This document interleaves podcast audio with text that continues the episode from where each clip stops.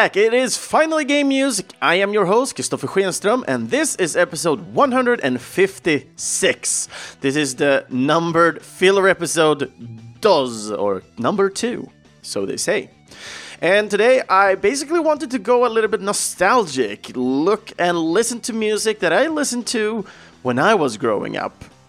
At least a few songs I did listen to because as you might have known, there, there wasn't that much of game music in my life when I grew up. I usually were listening to mainstream music when I grew up at home. So usually when I was playing games, uh, my mom and my parents overall could be a little bit frustrated with all the blips and bloops they heard from the TV. So I usually had to lower down the volume in order to for them to enjoy their music, uh, which was usually the mainstream music we listen on radio or bought from CDs. But yeah, there were some music that I really did enjoy, and basically I want to run back a little bit and listen to the main theme. That usually the first thing you listen to when you open up a certain game. So I picked three different nostalgic games that I really enjoyed when I grew up. And just let's just listen to these tunes and enjoy what I have to bring. And in the end, I hope you guys who are listening will be able to go back and comment on this episode because I would love to know some of the tracks you listen to and that you remember from the older games that you played when you were young. But we're starting out a little bit more relaxed, I would say, as we're starting with Sensible Golf and the intro from the Amiga version.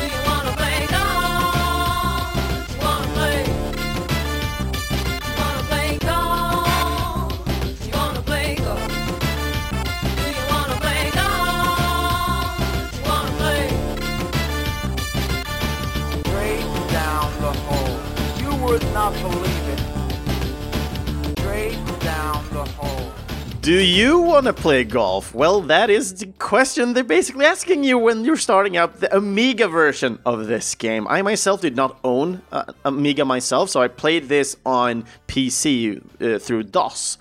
And yeah, this was Sensible Golf and the intro, and I just love this version. I remember the blips and bloops that I listened to when I started up this game, and this was actually one of the first games that I remember owning on the PC. Uh, we were visiting the local store, and I walked home with this plastic case with an eagle on that basically gets hit by a golf ball. And I, I remember this cover so clearly with the colors going on, and the it, it just looked so funny to me. And it was it wasn't like the original like card box uh, that that they had for PC games, the big boxes people uh, of my age might know of. Uh, they had these like flip cover, like book like cover, all in plastic. And when you open this one up, you had a little manual, and you had this uh, uh, the cassette or the disc. Uh, just pushed into like small corner, so you, it was kind of held in place, and that was that was basically it. It was just a lot of plastic in this product. Uh, and then it had this printed like cover onto it, so it wasn't uh, fold, folded like paper or anything. I, I remember that was just printed onto the plastic. So a whole lot of plastic just gone into this product for, for one of these discs, and, and then the manual, and it, it's just kind of crazy. But yeah, I'm not a fan of like the simulation type of games uh, overall when it comes to games like ever.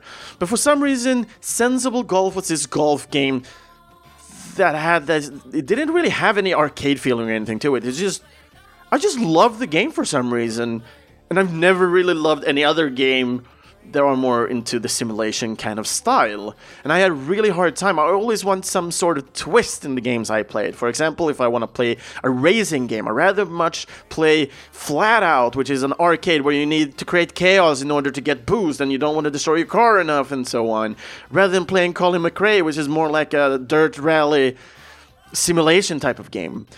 So always when it comes to, to, games, I really like the twist of it. I don't want reality added to my games that much. I always want the twist because, well, going out and playing golf, I can freaking do that myself. Going out and playing normal soccer, I can go and do that myself. Just need to find a couple of friends. And what I'm getting at, I basically can do these things myself, and therefore I don't want to go and play them. I mean, I'd rather just go outside and do them instead of playing them at home on a screen. So I always want this twist. Looking at football, I really do enjoy Mario Super uh, uh, Mario Soccer, the Mario Football. No, Mario Strikers charged. There we go. Sorry, contemplating everything. no, but when, when, when we're looking at these type of titles, I really like the twist to it. You charge up the football in the Mario Strikers games, and you can use like combos and superpowers and so on. You can't do that for real. Well, theoretically, maybe you could. I don't know, but no, most likely you can't put the football on fire and you know, go fire away. So I really do enjoy these kind of things, and I I really had good memories about sensible uh, sensible golf. And just looking at it today, I still remember a lot of things, and especially the neatness of the game, because it was one of the smoother experiences on PC at that time, in my opinion. Uh, don't remember all the different games I played during this time, but I really was fond of this game and I really enjoyed the soundtrack. It's more jazzy type of vibe into it, simplistic, and just created a mellow kind of feeling to the game. And it was just neat. Neat as hell. So when it comes to this game, so the composition here was created by the British composer Jon Hare, and together with the soundtrack, he had the British Richard Joseph. The game it was created by the British studio Sensible Software, and the game was released initially on the Amiga back in 1995, with the release in the in Europe. The year after, the game came also on MS DOS. So this was the, the year where I got it. I, I might have not gotten it, especially for 1996, maybe 1997 or something a little bit unsure. So, and, and just looking, well, enjoying the intro of this. I don't know if you guys get any specific title to mind, but for me, I haven't played the game per se, not that much at least. But the intro I've listened to so many times, and especially since I listened to it on a podcast that took this game up Cannon Fodder. But it's so much fun because when we're looking at the company here, and we're going to go through this with Uh, the information about both of these guys as well. So we're going back and we're, we're going to talk about Jon here. Jon was also the founder of Sensible Software, working as a lead game designer mainly. But he also did some audio work for most of the titles they worked on starting with their title Cannon Fodder. So it's so much fun noticing that, first of all, the company has done both the games and they also utilized both Jon and Richard for both of the tracks. Therefore, we have this amazing, like, sound alike intros. Cannon Fodder has War Has Never Been So Much Fun, while we have Do You Want to Play Golf here on Sensible Golf. and yeah, looking at Cannon Fodder, it was the Sensible Software 16th game. And following up, we have a giant selection of Sensible Soccer series between 1995 all till 2006. And the latest audio work Jon worked on was on his own title Sociable Soccer, which was released back in ni- 2019. And looking at the other composer, Richard here, he is a legend within the Amiga and the Commodore 64 audio. And with a little bit more than 20 years of creating audio, he sadly passed away the 4th of March 2007. And this was because of lung cancer, and he died at the age of 53 years old. He started out with sound design back in 1986, and this on the title Rad Warrior. And just to name some of the more popular titles that I can view in this list, I think most likely we will go back and return to Jon and or Richard, sorry. uh, we will return to Richard and talk more about the different games he worked on, not just the popular ones as well. So, some of the popular titles we have on his list is Speedball 2 Brutal Deluxe back in 1990. We have one of my favorite games on the Amiga that I did play. I super hard game, but still have fond memories. Moonstone, a, uh, a Hard Day's Knight, and also James Pond 2, codename Robocop, and both of these two were released in 1991. We also have Soldiers of Fortune, which is more known as the Chaos Engine here in Europe, uh, that was released in 1993. We have Putty Squad from 1994, Street Racer in 1997, Evil Genius in 2004, and lastly, is Sensible World Soccer 2006 that also was released in 2006, of course. There is another game that is coming out after 2006, but this is Sensible World Soccer 96 97 release that got released in 2007. But this is also only an updated version of the game for PC and Xbox 360, so he didn't work on any music, and this game was released after he had passed away. So yeah, that was the two different people behind the music and a little bit of the company history as well. Just a small tad bit. I think we're going to release the uh, or going to go back and talk about these guys at a later date. Because, well, it is a super awesome game, it's super interesting company, and also maybe getting to know both Richard and Jon a little bit more could be a way uh, super interesting, so to speak. And with that said, let's move on to the next title. And I think this is the main title I listened to the most because this was a freaking well played game back when I grew up in my kid's room. Playing together with up to four players. Of course, I'm talking about Super Bomberman 2. So this is the title screen.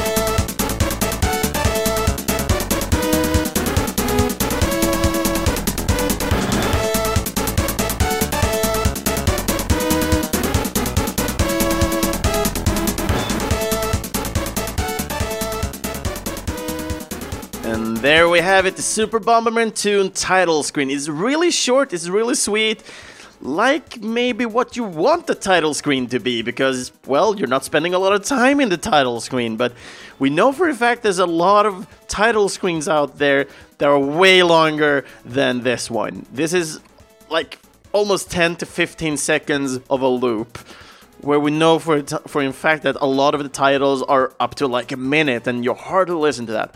But for some reason when it comes to Bomberman, you have the same track for the full title screen in this game. So from the start when when the Bomberman name pops up and the whole menu just pops up for selection, you're going to listen to this song all around. And this goes out either if you're playing uh, the single player, going to the options, or starting to play multiplayer in this game. Because you can play up to four players in this. And I know maybe a lot of you guys have either played Super Bomberman in any type of version, or have played a game much like Bomberman, like rip-offs, rebrands, and so on. Um, so looking at Bomberman 2 and this track, I think it's a fantastic title screen. It's basically like a fanfare to it. And having like the super easy like cinematic intro that you utilize for this game, uh, the reason why I didn't take that one was due to the fact that it is a cinematic. So music for that part is more like an introduction rather than the intro, in my opinion, even though cinematics are usually used for intros. But considering like how Sensible Golf were and everything, Sensible Golf does have the menu and the intro kind of the same, it's just not the song in it, and I wanted to provide a song for it. And considering what we have next, I will also get into that part as well. So you'll understand a little bit uh, by the end of this how I was thinking more, considering why I chose the different themes and also the different tracks. But I really enjoy Bomberman, and this is the most.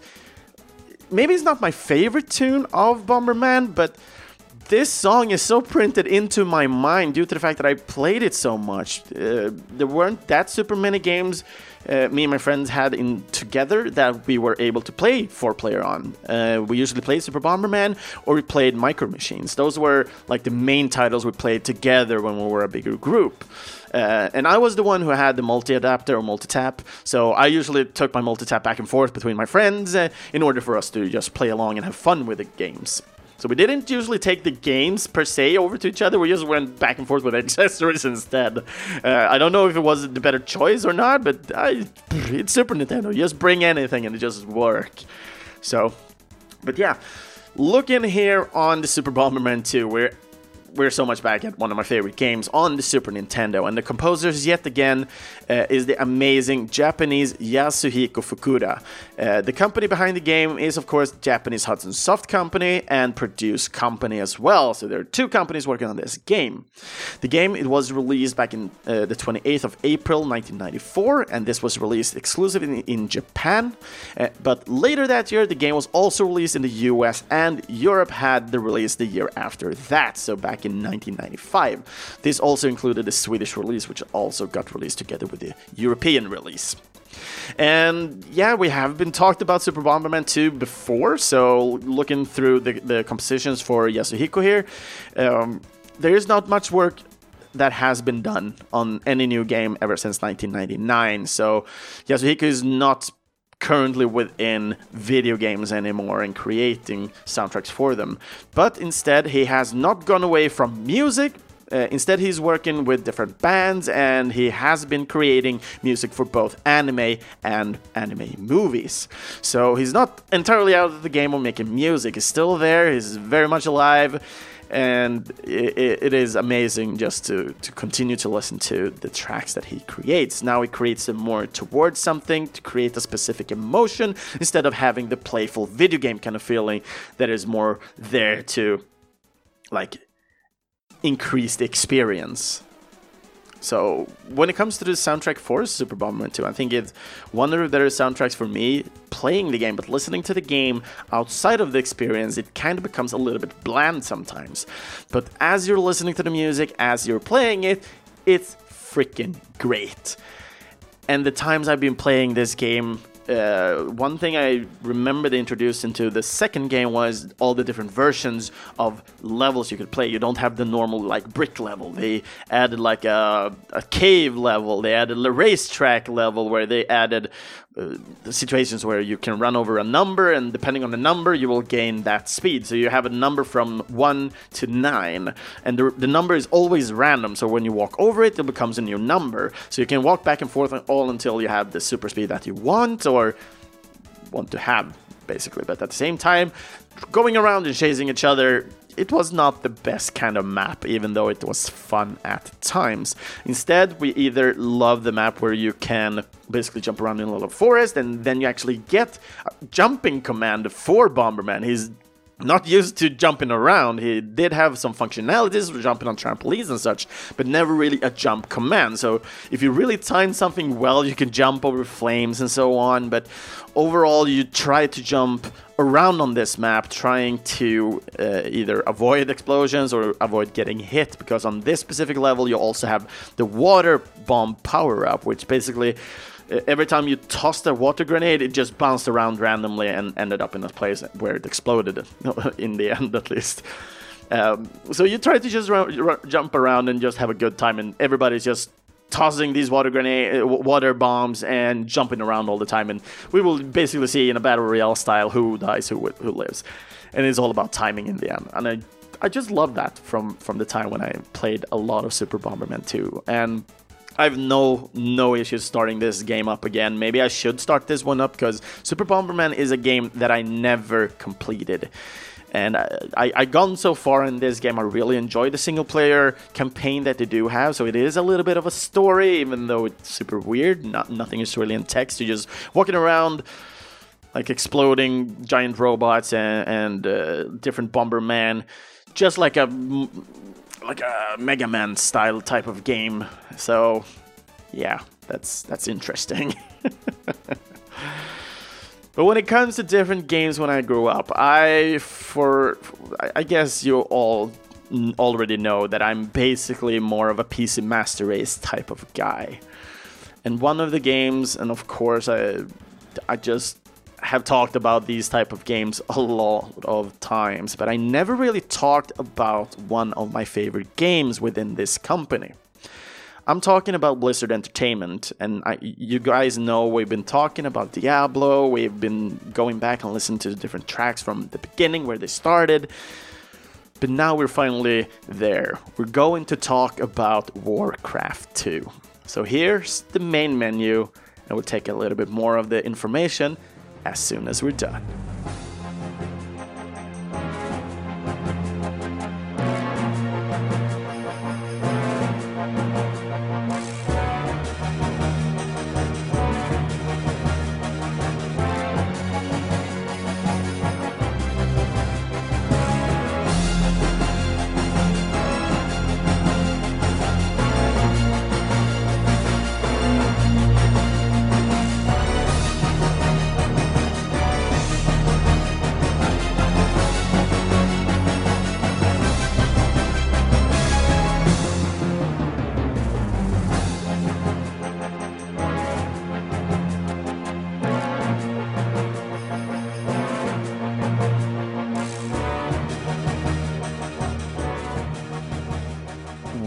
Warcraft 2, but also the undertitle Dar- uh, Tides of Darkness, and this was the main theme of the game.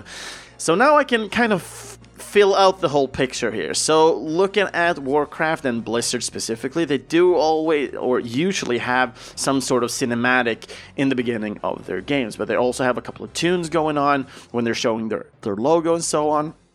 So the reason I kind of wanted to kind of frame it into I wanted to have like main menu kind of thing going on where you basically pick the modes and so on.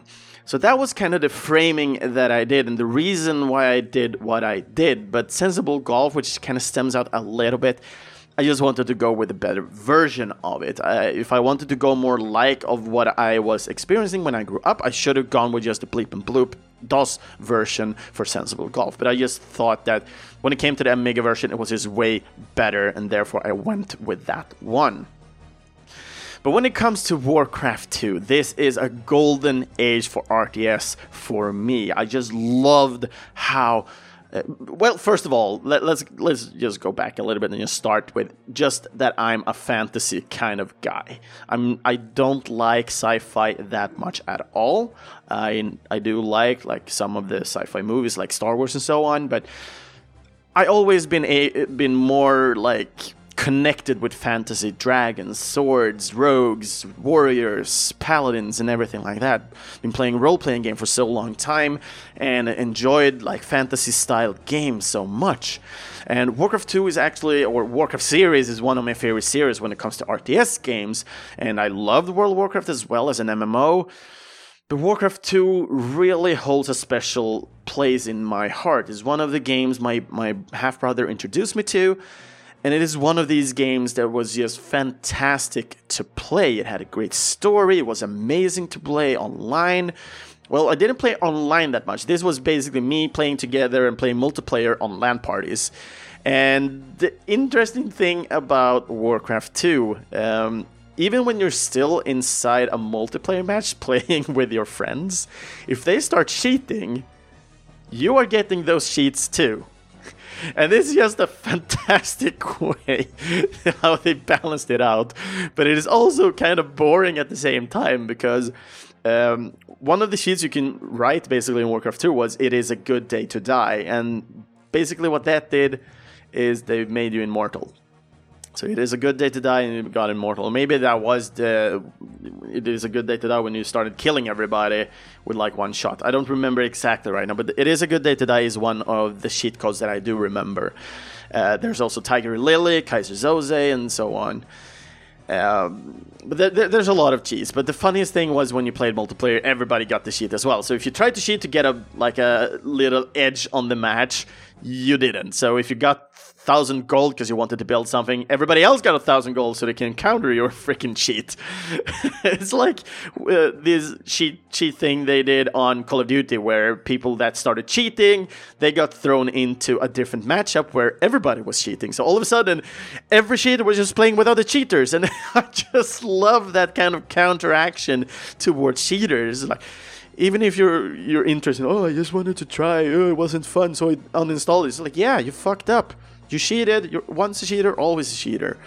And the times I uh, cheated was in games where I couldn't really do any harm to people or for funny moments. Those were the only times I cheated in some way. For example, I did some cheats in Diablo, but I only cheated after completing the main game.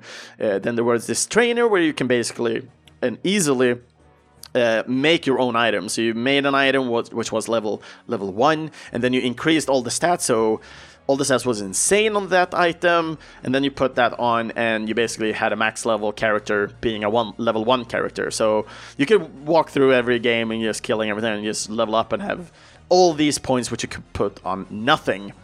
And at the same time, you had another sheet on Diablo 2 where you can basically click on a potion at the same time you're picking up an item, and that item uh, or that potion became that item. So yeah, I have done some cheating in my time, but I never cheated online in Battle.net mode or anything. So that is my kind of code of honor when I'm playing or when I'm cheating. I can't do that do, to win anything. I do that either for comedy reasons or I'm doing it for myself in order to just look and exploit the game a little bit to see what happens. But when it comes to Warcraft 2, I just love the music for this game. I haven't listened to a lot of the music while playing the game because it usually was down to zero and you start shouting at everybody when you played in LAN parties. And playing on single player, I just didn't care about the music. But listening now at it, and when I started researching for this episode and what type of music that I wanted to add to this, I started listening to the music for Warcraft 2. And of course, I was like, oh, I really enjoy this. It's, it's very deep. It's very, it's not emotional to the extent like, oh, I'm starting to cry. It's emotional in another way of sense where you get, I get a sense of, of chaos and war. You have this trumpets going on, just like in. Well, I'm taking this main theme as an example, of course, right now.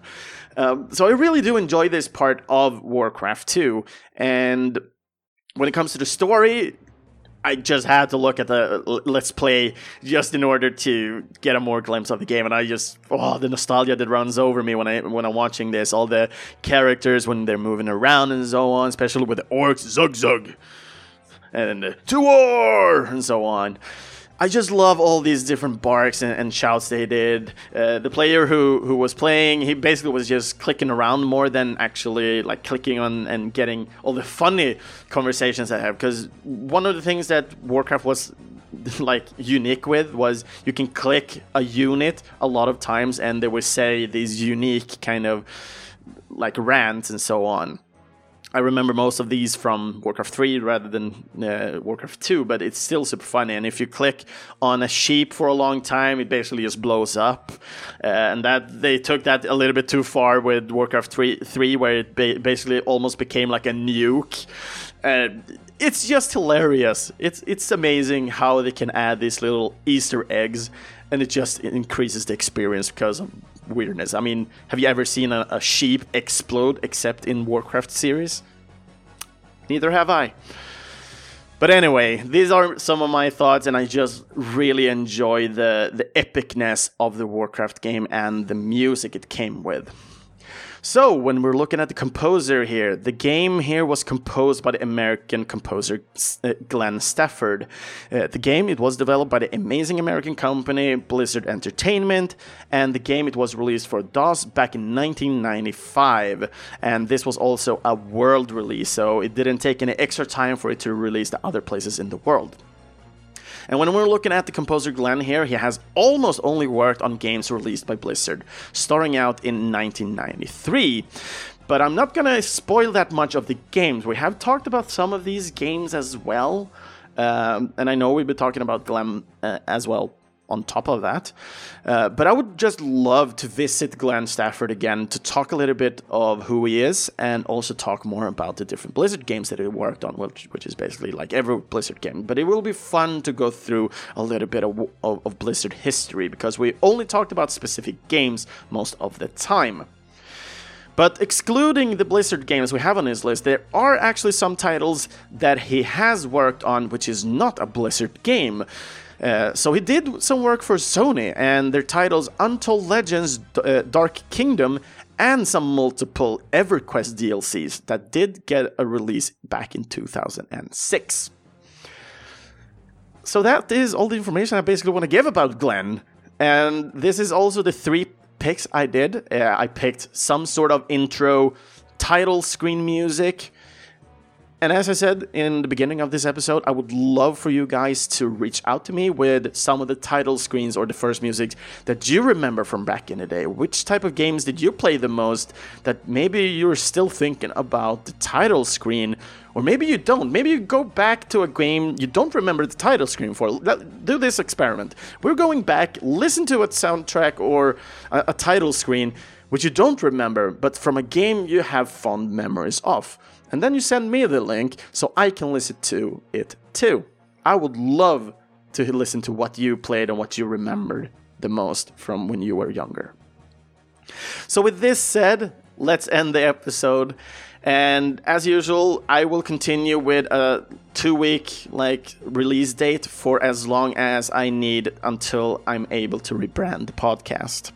So the next uh, episode will be in two weeks and it will be a filler episode as well. And with that said, other episodes that you may or will find about Finally Game music, you'll find those on our homepage, videospelsklubben.se, Spotify, or in your closest podcast app. Feel free to follow and comment on any of our social medias. Uh, that would either be Facebook or on Instagram. You search for Finally Game Music and you'll find me there. Uh, would you like to hear your name within one of the future episodes? And feel free to request any song for an upcoming uh, episode. But for these filler episodes, I will basically just haywire. But please do comment on the episodes as it really helps me get to know you guys some more. And I would just love to listen to the music that you will share with me. You can also support the podcast for future content and for quality updates uh, but in the end, for future composers as well. So think about becoming a Patreon for the podcast. So our current awesome backers that we do have today is Andreas Nilsson and Daniel Unemark, and we also have my parents, which are new to the whole platform of Patreon. But I basically help them out in order for them to help me out in the end, and well, not just me, but for future compo- uh, composers. So my parents' names are Lars and Titti Schenström. So, links where you can either buy and support the composers behind the music we'll listen to today.